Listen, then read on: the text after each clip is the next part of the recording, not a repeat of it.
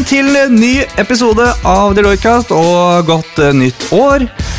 Eh, vi er jo, ja, Nå er det nytt år og nye muligheter, og ikke bare det, men ny programleder òg. Stemmer det? Som ikke klarer å vente på å begynne på det hele. Det er jo helt nydelig. Uh, ja, Vi har jo hatt en, uh, liten prosess internt her, prøvd å finne noen, og da fant vi rett og slett den som var likest uh, Marius i brillefasong. Så vi fant den med Runes briller, og det er det du har på deg i dag. Ja, stemmer det. Det er jo helt nydelig. Eh, ja, det er utrolig gøy å få være med. um, så jeg heter altså Guro, og prøver, skal prøve å overta de eh, store skoene etter Marius. Det blir kjempegøy. Og det er gøy å få være med i studio her sammen med deg, Ja. Andreas. Og du har jo til og med intervjuet Marius du, på scenen. Har du ikke det? Faktisk. Ja. Eh, det var da vi begge studerte i Trondheim. Så var jeg da Det var på TV, da. Det var TV-programleder. Altså Ah, student-TV, da. Ja, ja, Ja, ja. ok, student-TV redda. Men eh, det var veldig gøy. Så da kjente han vel litt til eh, at jeg i hvert fall kan snakke med noen, da. Ja, Det er en fordel at man kan snakke med noen når man skal holde på med en podkast. Og det eh, er ikke redd for i det hele tatt, at det her skal gå bra.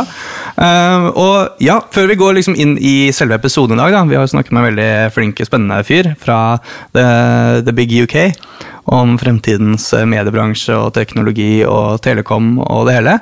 Før vi går inn i det, så må vi høre litt om hvem er du? Ja. Hvor jobber du? Hva gjør du, gjør du for noe om dagen? liksom? Jeg heter jo da Guro og begynte i mai i fjor, så jeg har ikke vært der så lenge. I, altså i 2017. Mhm. Og jobber i eh, consulting, jeg også, innenfor det som heter strategy and operations. Mange kaller det SNO. Og innenfor operations. Mm, operations, Operations. Ja. Som selvfølgelig alle, så da bare går rett videre. Alle vet hva det er. ikke sant? Så da, nei, Ja. hva, hva er dette for noe? Det vil si. Det var, altså man jobber jo da med på en måte, driftsmodellen til eh, bedrifter. Og for eksempel så kan det være det som eh, den kompetansegruppen jeg er med i, som kalles Operational Excellence. Det, det vil egentlig si altså Det kan også kalles lean. Det jobber man mye med. En eh, metodikk som kanskje en del har hørt om. Litt sånn effektivisering og sånn? Effektivisering, ja. Det stemmer. Og så er det jo noen andre som jobber med, med kostnadsbesparelser, f.eks. Ja, jeg holder fortsatt på å lære hva vi, vi driver med selv, jeg. For det er en veldig stor bredde i prosjektene. Mm. Hvor, Og det er gøy. Hvor var det du kom fra tidligere, da? Jo, du, det var en ganske annen, annen type bedrift, da. Fordi jeg var, eh, jeg var daglig leder i egen eh, bedrift. Jeg starta en bedrift mens jeg gikk på NTNU. Så, som vi var innen solenergi. Så jeg og mange venner egentlig fra skolen, vi jobbet sammen i eh, to-tre år. Og utvikle teknologi innen solenergi. Og dette her er det ikke, for det her har jeg faktisk hørt litt om. Ikke fra deg, Mm. men fra noen av de andre um, kollegaene. Altså, ok, det var en Ja. eh, lang avsporing, men jeg har hørt litt om Og det har noe med uh, grill å gjøre? Ja, stemmer det. En solgrill. Ja, rett og slett Ja, en solgrill. solgrill. Så det er en måte å bruke solenergi på en litt annen måte. da. Altså Ikke elektriske solceller, men man, kunne, altså, eller man kan fortsatt, den finnes jo fortsatt, eh, lage mat direkte på sola. Og det blir vanvittig varmt. Altså Like varmt som en vanlig grill, men bare, bare med solenergi. Men, eh, og vi, faktisk så begynte vi først å selge i Norge. Eh, Vi fikk den inn på Jernia, blant annet. Ja. Men så fant vi ut at uh, det er litt for mye skyer i Norge til at det det egentlig er så mye liv laga. Men det er et Men det er ute, sted. kanskje? Eh, Det måtte helt vært andre klart. markeder som det Eh, faktisk land i sør for eksempel, er jo vanvittig store markeder, og også USA. Og faktisk, det er jo litt gøy, men eh, et av de store nisjemarkedene der, Mm. som virkelig har høy betalingsvillighet, det er eh, disaster preppers i USA. Ja, stemmer det. Disaster preppers. De som, Som- bare skal være helt selvforsynt med all Ja, mat ja, ja. i all evighet nedi bunkeren sin. Ja, De har hermetikk i kjelleren og en solgrill som de kan bruke når strømnettet faller sammen og dommedag kommer. Og de har bare en liten lysstråler fra det ene hullet nedi bunkeren sin. liksom. Ja. Men selvfølgelig, Okay. kan også tenke på litt mer eh, snillere måter å bruke det på, eller eh, mer nyttig måte å bruke det på da, for mennesker i utviklingsland uten, eh, uten strøm. Det, det er kanskje Det den mest naturlige bruken. Det var nok mer det målet vårt var. Ja. Men eh, bare sånn, Vi skal ikke snakke om solgriller i en hel episode, men det som er interessant, er jo det når du har vært i eh, en startup som det er, så har du kanskje vært i startup-miljøet litt òg, for det er jo en egen litt sånn miljø. Mm. Man jobber gjerne på liksom en sånn, et, et hus hvor alle startupene bare jobber sammen og samarbeider. Eh, Hvordan er det forskjell, ja, hvordan opplever du forskjellen mellom startup og og konsulentbransjen, eller Deloitte? Ja, fordi jeg hadde egentlig forberedt meg på at det kommer til å være helt forskjellige verdener, og at jeg så for meg ok, nå går jeg inn i en, en jobb der jeg har en sjef, og på en måte nå skal jeg ikke lenger bestemme over egen hverdag. Det var nok litt av min forventning. Men det syns jeg egentlig ikke har stemt helt, for jeg syns at eh, jeg bestemmer mye over egen hverdag selv, fortsatt. Og um, at man har eh, ganske stor frihet, men det, selvfølgelig, det vil jo variere på hvilket prosjekt eh, man er på. Da. Og En annen ting som jeg syns er eh, overraskende likt, er vel kanskje det altså at man må slenge seg uti og lære nye ting veldig raskt. Som man også må i, i en startup hvor du ikke Du har ikke gjort det før, liksom? Du har ikke gjort det før, sant? så du må lese opp eller spørre noen for å finne ut av alt mulig. Og det, man må jo lære seg mye nytt, også som konsulent. Mm. Kanskje det som er eh, mest forskjellig, er vel lønn, da. Ja. så at eh, det er litt greit nå å ha en trygg, eh, At du har trygg det? inntekt. At har- ja, at jeg har det, ja. At ikke må ha en deltidsjobb ved siden av. Det er veldig få greit penger. å ha lønn. Det, det syns jeg er det beste med jobben. Ja, altså, mange krav jeg hadde da jeg søkte jobb. Ja. Veldig enkle lønnsforhandlingene. Eh, ok, så det var litt kort til deg. Da tar vi en kjapp runde på hva, hva, vi, altså hva jeg har gjort siden sist, og hva du driver med for tiden. Og så er vi rett inn i intervjuet. Og ja, Vil du bare starte du òg, kanskje? Ja, kan jo det. Ja. Jo, jeg begynte på prosjekt egentlig nesten med en gang jeg begynte her. Hos ehm, Jeg trenger ikke si hvem det er, men jeg jobber hos en kunde som er veldig global. Så det var en, ehm, en skikkelig kickstart der vi begynte med fem uker ute på reise. Til 16 forskjellige sider i hele verden. Så altså, mine, min tredje uke på jobb var det vel. Da var jeg også i Singapore. Og så uka etter så var det Hongkong og Kuala Lumpur. Og så etter det så var det Miami og Houston. Ja, det var ganske vanvittig. Det er ikke Det er- helt det er no- vanlig, Det er noen som har det. men uh, det var intenst. Men uh, nå etter sommeren så har det vært uh, roligere. Da har vi vært på hovedkontoret deres og, Det er kanskje like greit. og jobbe med Altså, du sitter forbedringer mye der. ute nå, slett. Jeg gjør det. sitter- Sitter mye ute. eh, Men eh, fint å komme innom eh, til Bjørvika innimellom. Herlig. Ja, og jeg, For min del så har det egentlig vært mye av det samme, men det har vært en skikkelig kickstart på 2018. Det starta med én gang, for å si det sånn. og Det er jo det er lederutvikling går først og fremst i, og det er eh, mye teknologi i lederutvikling. Det er mye sånn mikrolæring og sånt. Det å kunne lære mens du er på farten i en travel hverdag, så er jo det alltid utfordringen. At du kan ikke sitte der og ta liksom en ti, eller en times eh, e-læring, liksom, eller lese en bok eh, når som helst. Det er de der femminutterne du har når du står og venter på bussen eller sitter på bussen. Og Det er det du egentlig har til rådighet da, som leder. Um, veldig fort, så vi prøver å legge det til rette for det. Og det er kjempegøy. Veldig kreativ prosess. Gøy. Og vi lager filmer og illustrasjoner og skriver tekster. Og liksom sånn, ganske sånn. Og samarbeider vi selvfølgelig med digital her og har eh, designere på laget. og sånn, så det, Ja, så det er veldig moro. Men uh, nok om det, tror jeg. Nå må vi nesten over til eh, selve temaet. Og det er jo mediebransje, og det er teknologi. Eh, telekom som gjelder. Jeg synes det, det ble et ganske kult intervju. egentlig. Vi hadde med godeste Paul Lee, som er vår globale leder for research på, på tech, media og telekom. TMT, som det kalles. Uh, og De gir hvert år ut en eh, ny rapport uh, som, hvor de på en måte prøver å forutse hva som skjer i dette året. Nå har den akkurat kommet ut, nå i januar, så da er han her for å, har han vært her i dag for å snakke om den for et stort publikum. Og, eh, og, Og vår andre store publikum, som nesten er større. Fuck, det er større. Det er større enn Målfuglseminaret. Det er sånn man glemmer litt noen ganger. uh, så det er litt kult.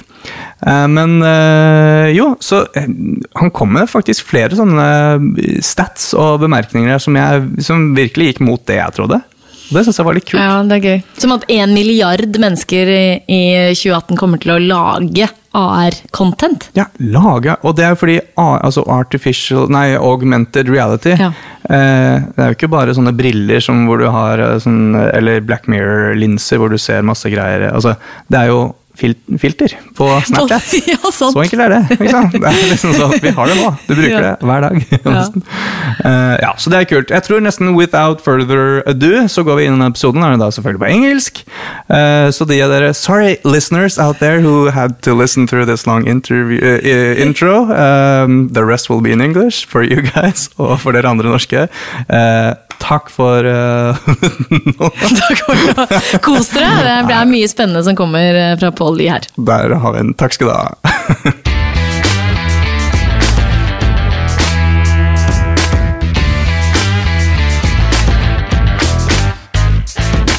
All right. So, uh, as consultants, uh, we're always talking about you know the changing pace of change and you know n- new technologies, uh, how new uh, industries will change and how they will work will change. But if there's one industry that's maybe seen the biggest change, uh, it's probably the the media and telecommunication industries. So, you know, smartphones have re- revolutionized the way we consume media content and news and how we communicate. Uh, you don't have to see any ads anymore because you just fast forward or you just watch, watch Netflix instead. And uh, augmented reality uh, is starting to become main- mainstream through, you know, the likes of Pokemon Go and uh, filters on Snapchat. Um, yeah. Yeah, and to get some answers to this, we are so lucky to have with us here today Paul Lee. Uh, welcome, Paul. Thank you. Thank you for having me. It's a pleasure to be here. Great. Paul is the, the global leader of, uh, of tech media and uh, telecom in Deloitte. And uh, you were here today, Paul, to talk about the, the brand new TMT report, uh, telling, talking about the predictions for 2018. So TMT, tech, media, and tele- telecommunications, right? That's to correct. Everybody on the same page. Yep. And it's a great occasion to also have you here in the podcast to to help us look into the glass bowl and and talk with you, the oracle, about the future of this space. Thank you. Yeah. Okay. So cool. Uh, we're going to talk about um, the future of media houses, the the future of advertising. But first, we want to ask you about AR, augmented reality. So, what is AR? If you want to. Yeah, so augmented reality, put very simply, is a fusion of digital artifacts with the real world. So the easiest way to experience augmented reality is via a smartphone. And when you look through your viewfinder, so your screen on a smartphone, you can be adding in um, any form of digital artifact. So you mentioned Snapchat earlier, and say you're taking a selfie, then with something like Snapchat, you can add a filter or a mask to it. So you can add a funny hat. Uh, for example, and with the current versions of augmented reality, what you can also do is similar to what a lot of behaviors are at the moment. So, for example, you know, people want their photographs taken with celebrities. They go to waxworks in their millions around the world to have a photograph taken next to a wax replica of their favorite star. But with augmented reality, you can do a video of yourself with your favorite star and then post it very quickly, which makes people happy. Um, so that's one of the applications of augmented reality. Over time, the applications will stretch to include productivity, uh, to teach you how to fix things, you know, which is one big genre of videos on YouTube. But for 2018, the billion people we expect to create some form of augmented reality content will do so for entertainment purposes. So for the for the time being, it's mostly for for entertainment, probably, or Um, I mean, entertainment is a massive industry. I mean, I think you know, often, particularly amongst consultants or people in professional services, um, you know, we are people who focus a bit more on productivity. Yeah. But the reality is, entertainment drives a lot of demand for new technology. So if you look at you know the App Store, um, one of the biggest sources of revenue is games. So on uh, around the Christmas period, a lot of people had new devices. They were downloading um, apps or making payments. Most of the payments were for games.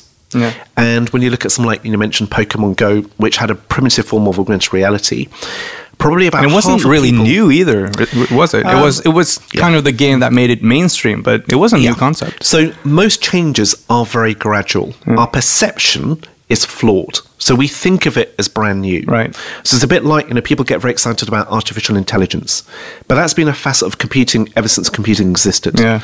So augmented reality has had many full starts. Um, so a few years ago, the idea was that we would wear me- head-mounted displays or glasses, which gave us the ability to superimpose images on what we were seeing. Uh, that didn't work, and this is another attempt to um, try and blend the real world with um, artificial um, artifacts, and the capability gets better and better um, with uh, every year. But to your point, is it brand new? No, it isn't. What is brand new? Very, very little. It's often our perception or our memories are short, so we forget things existed So most people have forgotten about Google Glass now. And so one thing that we're doing when we talk about augmented reality is just reminding them that this was an attempt at doing augmented reality, but via a head-mounted display. Yeah, and it was weird with, with the Google Glass to the to the people out there that don't remember or didn't um, take a notice. It was uh, Google trying to be a bit open, I think, uh, about a new type of um, device that they made. I think it was like two, three years ago, where they were like, "Okay, this is a prototype, but uh, we're going to show it to you just to get it out there and get developers talking about it and developing." But it looked ho- horrible. It didn't really work, I think, and it was th- basically kind of yeah. It, it created Didn't a lot of off. negative. Uh, Yeah, I, I think Attention. Um, so. Amongst people, you know, probably the people who are developing it. So, if you looked at the original form factor, you know, the prototype, it was something really clunky. It was made, um, you know, as part of a kind of a hackathon. And when you were able to compact all that technology into a small device, when you knew what the first iteration was versus the final iteration, you'd think that's genius, and it was. But to the mainstream public, it was intrusive. Yeah. Um, so, so, so that's the difference. And, and because the thought of uh, having glasses on that could give you data Mm-hmm. on, so that's basically what, what the, the, mm-hmm. the idea is. And if anybody has watched Black Mirror, they also know kind of what it is because there they have it mm-hmm. to the next level. With where they- lenses, yeah, yeah. with lenses right on your eye, and it could give you extra, like augment the reality basically with the extra data, or in that case, you could even record using the lenses. You see, always which is, what's you know- fascinating is like, I think fiction is really good at fermenting ideas, and fi- good fiction is based on reality. So if you go back even further in time, one of the first public displays of augmented reality was in Terminator, where you had a robot who could look at something and look at people and Yeah, get lots right. of information um, on that individual. So we're constantly chasing. And it's it says like that thing. hostile or something. Yeah, if it, Uh, yeah. yeah. Um, so we will get to that point where, you know, for example, I could look at uh, either of you through uh, my smartphone, and I could perhaps bring up your LinkedIn profile. And so I could see, you know, your education. But the thing is, sometimes when I go to uh, meetings, um, so I will look up people's profiles as I'm meeting with them, and look for things in common because people that's what people like is um, you know shared history.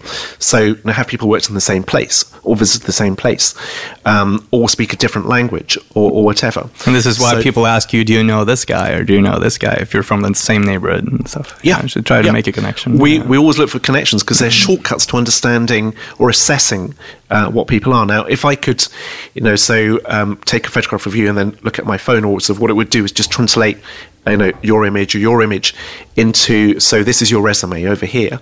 So I could very quickly see, you know, where you learnt your excellent English, um, you know, where you'd studied, what kind of projects you'd worked on. So that will happen at some time, and probably not that far away. Yeah. So, I mean, I'm just. It will be. It's so weird because in one, in one, on one side, it's a mm-hmm. huge asset where I mm-hmm. go into a room and I can know the names of everybody, mm-hmm. and I don't have to try to remember. Oh, where did I meet them the last time? Maybe it would just tell them that. It tell me that. But that's kind of also kind of scary, isn't it? I mean, because it, it just feels scary. I think. Mm, I think I agree. people generally are a little bit frightened by any kind of change. Yeah. So we like to think that we are receptive to change, but the reality is we like continuity. And we like that continuity to be largely based on exactly the same. So we take the same routes into work um, every day. Uh, we tend to eat the same things. Uh, we mix with the same people. And we tend to weed out anybody who isn't like us as well within social circles, which is how sometimes you get misunderstandings about how people um, behave. So, um, but I, you know, my personal view is having more information about somebody is, is useful. Um, and so, my particular role, I meet with a lot of companies, a lot of clients once a year. Um, and it's very hard to remember exactly what we spoke about. So, ideally, I'd like to know what we spoke about in the last conversation and to be able to follow on from that. So, that to me is more productive use of time. But if we then think a bit more about the frightening part and try to be pessimistic, what, how can how can AR be misused, and what do you think the threats might be? Uh, so one of the threats will be around um, the ability to um, simulate things which haven't happened. So um, no, again, if we so use um, movies as an example, so. Um, you know, th- there's always been the case of, uh, say, with movies with, say, an actor passing away or needing to be edited out or to be edited in. And um, there was one movie from quite a few years ago. It was Gladiator, and one of the leads um, died during um, the action. So his character was recreated, um, and that cost several million dollars um, to do. Now, with my phone, I can create an image of um, somebody uh, playing football with a f- famous footballer, and it looks pretty realistic unless you understand where to look for where the cuts are. Uh, when it comes to augmented reality of voice, um, I think we're at the point where it is impossible for a generic voice to tell whether it is a real person or a simulated person.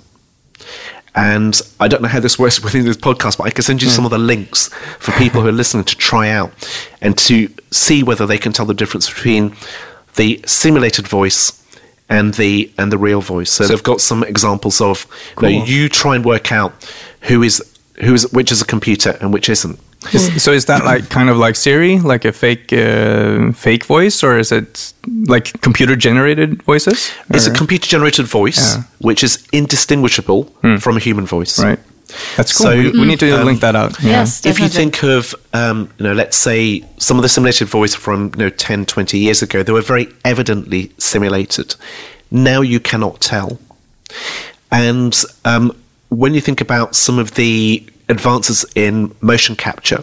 So for things like um, video games like um, FIFA um, what they're doing is capturing the movements of the um, footballers with a lot of cameras. Um, and as the caliber of those cameras increases, then the ability to mimic what somebody is doing becomes easier and easier.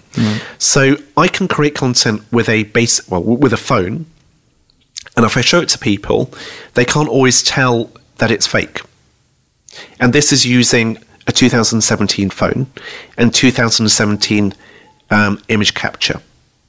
So roll on a few years, and the ability to create um, very realistic avatars um, is, you know, sort of it, it will be there. But the thing is, like for voice, it's already there. Um, there's one other site which is worth trying out. So it's a company called um, Firefly. Um, sorry, it's called Lyrebird. Um, L Y R E Bird, Canadian company, and they have some samples uh, and perhaps you can you know sort of add these into the into the podcast Yeah, we'll link it, of yeah. um, simulated renditions of world leaders speaking. So this Wow, will bring cool. in a whole new level to fake news and that concept, right? Yeah, yeah. Imagining uh, Trump winning in uh, a few years with, Yeah. with AR into the fake news. Um, I mean, yeah, yeah. I think probably you could. So I've seen some demonstrations of, um, say, taking a video of a person, so again, a world leader, and um, realistically replicating the mouth movements that um, he would make and adding voice to it. And to the untrained eye, it is very hard to tell that it's fake. I mean, yeah, that just opens a whole new can of worms when it comes to fake news. But I'm really curious about. Uh, if we, th- I mean, that's that's a topic for a whole other podcast. I think the Yes. ethical part of that. But what I'm also from a from a business point of view. I mean, what other? Uh, we've talked a lot about games and media. Mm-hmm. Any other industries where we might see AR come through? Yeah, I can see you know, every industry um, you know, sort of uh, using this uh, to, to some extent. So, for example, you know, we're using these um, great microphones uh, over here. And what you could do is, you know, let's say if you need to replace one of the components of it, um, with augmented reality, it can tell you, let's say, which bits to disassemble so as to um, replace um, one of the components. Um, so it can have an arrow pointing to exactly where you want to go. So when I sort of, I don't know Oslo very well, um, and so I always stay in the same hotel. And even having directions of, you know, follow this arrow. So I could be looking through my phone and all the augmented reality will be going, follow this arrow over here. That would help me as opposed to trying to work out which direction I should walk in or trying to follow a traditionally formatted um, map. Um, so um, training um, DIY fixes, uh, you know, all these things. Um, the next level of um, of them, the next iteration will probably be um, uh, enhanced by augmented reality. So when we go to IKEA, maybe we can get augmented reality when we're trying to uh, build that shelf we bought in the Yes. store, right? Yeah. So, you know, pointing to okay, this is where you put the screw in. This is um, that that kind of thing. And depending Very, very on easy. how you hold the shelf physically in your hands, Mm-hmm. you can just tilt, tilt it around and it will say, this is where the screw goes. And Yeah. this Mhm. exact screw goes in there. I mean, that just. Yeah. yeah, and this is super what the screw uh, looks like. Yeah. And then ideally it will be you know, holding the screw um, to scale. So other things which are primitive at the moment are things like measurement. So in this room that we're in, there is a whiteboard. And with a phone, you can measure the width of the whiteboard to within about 2% accuracy. Now, 2% accuracy, if you're building, is not good enough. But if you're just looking to know um, roughly how something, um, the dimensions, um, then augmented reality c- can do that at the moment. So there's a range of apps um, which are worth trying out um, if you have a, so any iPhone from 6S up can do augmented reality. So it's always worth trying out these apps to see how well they work. And you know we're still at an experimental phase right now, um, but they will get better and better over time. So the processors will get better. The integration between the camera, the, and the um, sensors like the accelerometer um, will get steadily better over time. And what about so one of my favorite podcasts is uh, This Week in Tech, Mm-hmm. uh, which is like a yeah a weekly podcast on technology basically. And they talked about I think half a year ago they talked about AR, and one of the guys, uh, a tech journalist, uh, said, "Well, AR is just VR is here today. Uh, virtual reality goggles. I have them at home. You know, it's it's good fun. Uh, but AR goggles is quite a far away." And he was like, "It's." Probably five years be- before we see AR goggles glasses. Uh, would you agree? Um, I think whenever you ask people to wear technology on their face, um, it's a big ask. So one of the asks is it's a lot more cost. So people have smartphones already, and doing AR on a smartphone is downloading an app. That's a marginal cost. Yeah. Um, if you're asking people to try AR on their face, first of all, there is equipment cost. But even if we were to reduce that to zero, it's asking people to wear um, technology on their face, which for a lot of people is too big an ask, particularly if it's very heavy. And one of the things around uh, virtual reality is so you've got 200 grams of technology on your face. On a warm day, you have heat rising within um, w- w- within the goggles, and um, uh, you know, in some of the games playing stores um, in London, um, they sell antiseptic wipes next to the um, VR goggles, and and for some people, the idea of um, having to wipe down a piece of equipment before they put it on to get rid of the bodily fluids from the previous user may be a bit too much to ask. Okay, so I'll, I won't hold my breath for the for the glasses and lenses yet, but uh, I'm um, yeah. let's see. Yeah, but we'll be using augmented reality like it's in apps like Snapchat, like you like you mentioned, and that we already are. Maybe many of us are not thinking about that is actually yeah, AR. you're actually Facebook using is it pushing today? it Yes. um, quite a bit, and uh, so you've got you know Google and Apple are pushing it at the operating system level. So they've created two toolkits. One of them is ARKit, which is or ARKit, which is Apple's, and then you've got ARCore, which is from um, Android, and then. Um, Facebook is using it to offer to advertisers, um, so it's a way that um, brands can um, increase um, sort of uh, brand awareness. So, you know, rather than giving out, let's say, um, hats with their logo on, you get people to download filters which allow them to wear the cap with a filter on and uh, market in that way. I, th- I think um, the Norwegian Post um, post company Posten they just released an app where you could you could see the size of your package by holding it in your hands with AR. On. Like Oh, so, cool. Yeah, I thought that was a good. yeah, they're- to they're know just- the cost of the package. Yeah, yeah, to know the cost it. and to know do I need can I get and grab this on the bus or do I need a car when I mm-hmm. go get it? So yeah, that's, I thought that was quite a good idea. Mm-hmm. Just testing it out. So on the Snapchat filters, what is your favorite, Paul? Do you have a favorite Snapchat filter? I'm far too old to be using Snapchat. what, what about you, Andreas? Do you have a favorite? Um, I'm probably I, I like the dog uh, the dog face where you get the, your your tongue Yeah. out.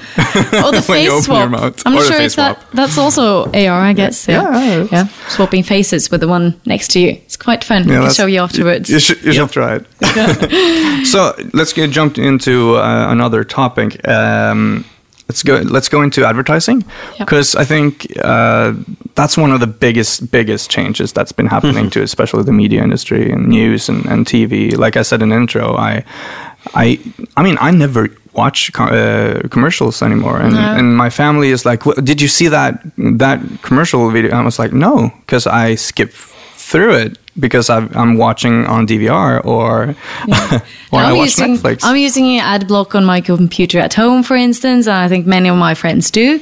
So we don't want to spend our time on advertisement yeah, so, anymore. yeah. So, so how does that? I mean, that's affected the the news industry greatly. And could you talk a bit about that? And what what are they doing to? So, cope? uh, I mean, in terms of the advertising uh, market, so when it comes to TV ads, uh, there's still a massive volume of TV advertising being watched. Yeah. Um, in probably in Europe, I expect 40 to 50 adverts are watched per day by each viewer.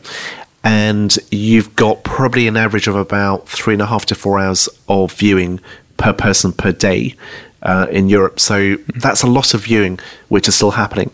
So when it comes to like TV advertising, um, it's still uh, very, very powerful. Uh, when it comes to um, online news sites and online sites in general, what's been happening is the revenue per advert shown has been declining. Uh, and so the response has been to put more adverts onto each page. Uh, so the load of adverts and advertising related content has been increasing all the time. So what ad blocker can do is partially block an advert being downloaded, but also um, block a cookie being downloaded uh, as well. So there's multiple things which an ad blocker can do. Um, ad blocking on PCs is done to, uh, I think, a relatively small extent in developed countries. Ad blocking on mobile phones hardly exists. And so one of the things I do when I go to different markets, I say, you know, you people in the room, do you have an ad blocker? Almost nobody does. Um, and it's all, really rare to find somebody who's got an ad blocker, which they use for personal reasons. So often they were using ad blockers as an experiment to find how well they worked. yeah. So, That's probably um, true. yeah, so, so Yeah. advertising is a fundamental mechanism in the creation of content. Advertising will never go away, it will evolve in different formats um, because you cannot rely on payment for content alone. So there are some people who are happy to pay for all their content in exchange for no ads, but that's very few people who can afford to do that. And you use the term in the uh, allergic in the report. What does allergic mean? It's Mm-hmm. Yeah, that refers word. to it's quite a niche behaviour, um, and it's you know a few people who um, avoid advertising using different means. But the thing is, you know, unless you hide in a cave, you can't avoid advertising. Um, so you, know, you could say you can try and avoid advertising by watching subscription video on demand, but there's product placement within there. Um, you know, on my sort of route back to the airport, I'll be exposed to multiple adverts all the way through. Um, and wherever people glance, there's the ability to have adverts there. You know, so if we go back to augmented reality, what you could be seeing at some time is, you know, so the, the filters are effectively adverts for some companies. And at some point, you could be offered a phone, which is slightly cheaper. And the quid quid pro quo, you know, the compromise is every time you take a photograph, a logo im- appears on that photograph. So, in the same way that uh, sometimes when you're watching a TV program, um, you have logos which are for the channel, and there's another um, banner advert at the bottom permanently there, which is for a sponsor. Yeah, so you get it just right there on, on the screen. You don't. Uh, yeah. Really so you know, I'd say avoiding advertising altogether um, is Mm-hmm. either requires a hermit-like existence, um, or requires you to you know, to be able to. You know, so for example, um, avoiding content or you know skipping through adverts on or, you know via DVR. The so if I look at say some of the UK data, we've had DVR since probably 2001, Yeah. and about 70% of homes have a DVR. But the majority of traditional content that's watched is watched live. Right, so three quarters of homes have a DVR, but about 15 60% of content um, is is time shifted. Really? So just when you record a TV show on your TV, most people only watch 15% of, of, of yeah, so, that. f- so very Wow. little content is watched um, time shifted.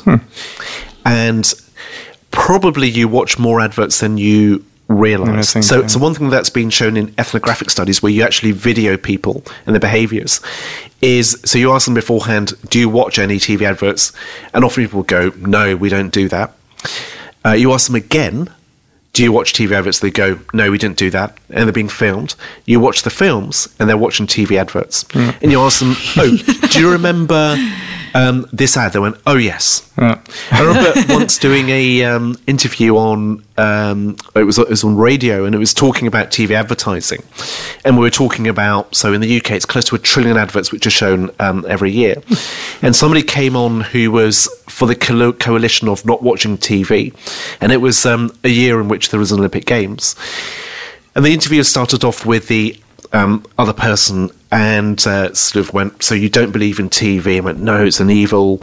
And uh, what do you think of the Olympics? Oh, it's fantastic. And uh, have you watched uh, this event? Yeah, it was brilliant. And he went, Oh, uh, well, I was watching at a friend's house. and, uh, and uh, you know, that was kind of the hide. interview uh, Yeah. done. And he went, Well, you know, you are watching TV. Yeah. So, and what we tend to find is there's about two or three percent of a population, maybe slightly higher now, who actually don't watch TV, but they're outliers.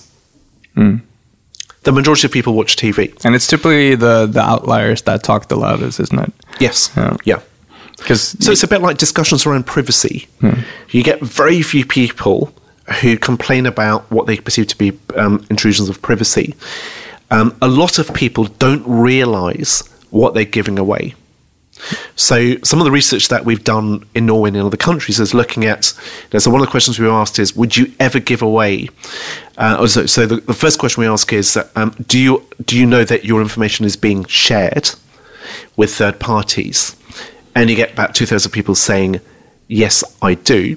Then the next set of questions was, would you ever share your phone number with an online service or an app? And you get, you know, a lot of people going, no, I'd never do that. We ask, would you ever share your name? Would you ever share your browsing history? People go, no, never do that. Yet they're using services which trade on the sharing of those numbers. Is, do you find that in? I mean, it, that's easy to to think about. You know, with uh, with Google or Facebook or any of these uh, big American companies mostly. But what about telecommunications? I mean, they they have a huge amount of data of where you're moving and what you're who you're calling. And is that going to be a new source of uh, income for these Um, companies? in Europe, I don't think so. So um, there is a lot of data. For example, um, so all uh, so there's a lot of you know. For example, you could analyze. Um, who's using the train station? Yeah. Um, using uh, the information from the network operators, and I think that'll be very useful to understand exactly how to, um, let's say, create new crossings across the road, or where to put traffic lights, or where to put signs, or you, even you what just put them languages. where people are actually moving. Yes. Yeah. So, so you do Analyze that. So that's really valuable information. That's all used when it's aggregated. Um, where I think you may get divergences in some markets, you may get some companies reselling the information that you have on an individual basis and selling advertising on the basis of that. So if you're using a social network, you are sold, you're given advertising based upon your individual behavior. Right. For the telecoms networks, all the information they use is on an aggregated basis. So they could still sell that information to, in this case, Ruter or uh, the the, Well, the what's a lot companies that building train stations. Individual data is a lot more useful. Ah, okay, so you're saying it's not really that. In, It's uh, aggregated. Yeah. Right. So it's um, basically blocks of, let's say, 10,000 people Yeah. on that operator. Um, so where it's going to be more useful is on, on an individual basis, and you've got advertising sold on the back of it. And that's probably not something the telecom Within Europe, I don't think it will happen. right because of the regulations and stuff. Yeah. yeah, basically. Yeah. Okay. Okay. Yeah. an industry definitely influenced by these or that will be affected by these trends in advertisement is is news uh, industry and with with newspapers I would say I'm I'm quite old school, maybe uh, compared to many my age. I I have uh, newspapers at home on paper, two or three of them, and I and I love to read the news that I know is kind of picked out of, from editorial staff. Whereas, at least my point of view is that reading the newspaper news I get on Snapchat or on Facebook is is very populistic. But um, what do you think will happen with the editorial staffs? Will we will we have that in the future as well? Um, the more revenue that a newspaper can generate, the more, um, and also the more profit, um, then the more journalists it can afford to hire. And there are some journal- there are some publications where they are increasing the number of journalists that they've got, but also they're increasing the number of technology people that they've got. So the ideal, you know, so in terms of your behaviour of buying multiple newspapers. Uh, in paper format, I think is quite unusual and will become more and more unusual.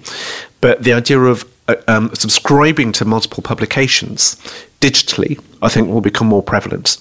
And in general, what we expect is more people will subscribe digitally to a range of media services, so TV um, and all the genres within there. Um, you've got radio, perhaps to a lesser extent. Um, music, certainly, then that's become very popular. Um, and then, you know, with news magazines um, and perhaps you know some form of like language courses that will become uh, more popular um, as well. So um, we do think that the news industry has got the capability to grow if they help themselves to grow. And one of the things that they have to do is to, for example, make it as easy as possible for people to pay for content. So what we find is, you know, for for example, if I want to buy one edition of a newspaper online, I often have to enter in my full name and address. I can't just do the equivalent of giving a coin Yeah. and getting a mm. piece of content Let's just in return. click pay and be done with it. Yeah. You have to log in? It's a hassle. So there's one um. publication, so the Washington Post, where it's one click and you subscribe. Hmm. Mm. And, uh, you know, so I get, my make a payment every 28 days.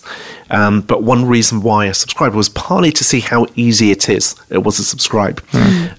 and, you know, they use, um, so they've got my name, my address, my credit card data. But they've made it very easy for me to provide that. So they're using the information already stored on my phone to provide that, um, Right. provide that Okay, information. so you're just actually grabbing a hold of that information and saying, probably, is this correct? And then you just click subscribe. Um, you don't even No, do that. don't even do it, that, It is okay. correct. So, Right. you know, my um, credit card details or three credit cards already on here on my phone, and my name and my address is, is already on there. So there are a lot of publications which could be doing that today. So you you could be making payment a lot easier. cool. So you think the deep journalism will will survive? Um, yeah, I, th- I think so. Th- there is a market for deep journalism. There are certain parts of society which want to be informed. Um, there is always going to be the mainstream of people who just want shallow news, um, but there are people who want deep news. So, you know, when I look at, you know, for example, the FT business newspaper, lots of journalists, there are Finan- hundreds Financial of journalists. Times, yeah, yeah. the Financial Times, um, and they've always had um, a paywall, and that paywall, you know, sustains a certain number of um, journalists, and you could see that number increasing over time if you get more subscribers coming in. Um, but the great thing about subscription digitally is that the cost is in the content creation. It's in partly the um, uh, the format of the uh, of the digital um, architecture as well, but you're not paying for a print- printing press. You're not paying paying for distribution. You don't have the wastage of unread newspapers. Yeah. Digital, digital, yeah. That, so that is the future. It's still a future. Okay. Yeah. So uh, I'm sorry, Guro. You will just but have I to have be. uh, actually, I, I am actually also reading digital newspapers, Yeah, so 'cause I'm not uh, you normally in get stone that. age. yeah, you get that included, don't you? Know. yes, I Um, do in, that in too. some cases. In some I mean, there's lots yeah. of different models. Yeah. Um, but so, you know, for newspapers, I think all they want to do is try and encourage as many people to uh, to read digitally because the marginal Yeah. cost of having a marginal of a digital subscriber is very low. Right. So the profits And, go up basically. You if you one of the, to, you know, I don't think it's coincidence. So if you think about newsprint, um, it fits into columns. So even when you have a big broadsheet newspaper, you have columns which are about the width of a smartphone screen. So people are used to c- reading content um, in sort of in columns, and a smartphone screen is the width of a column. Yeah. So yeah, so it's it becomes that's why It's everything a is scrolling. continuation of the behavior. Yeah. Yeah. Right. Okay, so we, we have to uh, close it off quite soon because you have a plane to catch. I just have one last question. Um, if there's one gadget, one cool gadget that you need in 2018 to impress your friends, what would it be? A book. A book. there you go. Back to the analog book. No Amazon Kindle or anything, just a book. It's a form of social signaling. So, and with social signaling, I think we thank you, Paul, for coming here and talking Thank to you us. so Thank you very much. It was very nice, and uh, have a safe trip home. Thank you. Thanks. Det var eh, dagens episode av Deloitte-kast. Og ja, hvis du likte denne episoden, så er det jo hyggelig da om du har lyst til å dele den med dine venner og Ja, bekjente. gjør det da. kollegaer og sånt. Absolutt. Eh, Det var eh, gøy å ha dere med her i dag. Og eh, vi høres vel ganske Ja, snart. Det er det vi pleier å si. Og takk for at du kom på din aller første episode her, Guro. Det var veldig gøy. Det var utrolig gøy. Det blir bare mer av det. Og øh, ja, send inn gjerne forslag på temaer til podkast.deloitte.no, så vi leser alt som kommer inn. Og med det vi høres.